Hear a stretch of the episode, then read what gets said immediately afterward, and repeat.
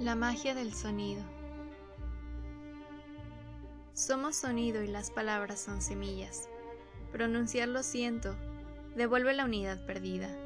Al viajar por tu piel, te conecta y te hace sensible ante las vivencias de los demás, dejando de ser solo tú, para poco a poco convertirte en unidad con el todo.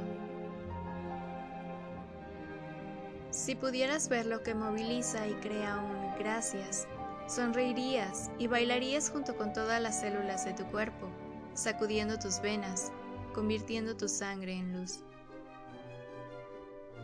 Un te amo, abraza todo tu cuerpo, viaja a través de tus pulmones, reiniciando el ritmo de tu respiración y cobrando sentido, a tu estómago, transmutando todas esas emociones que no supiste manejar, soltando el pasado y volviendo a empezar.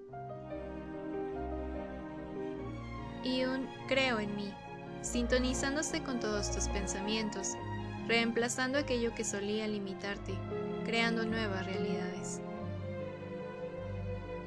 Y así, sonriendo inesperadamente, mandando vitaminas a las células tristes de tu sistema inmunológico, algunas otras, que nacieron con el arte de la jardinería, siembran césped suave, fresco y verde alrededor de las zonas más áridas de tu cuerpo incluso en ellas.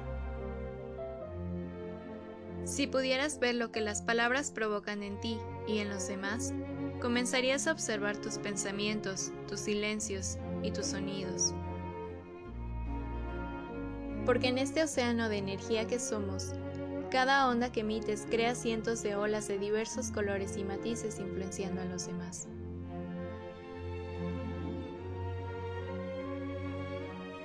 Cada palabra es una semilla, no lo olvides.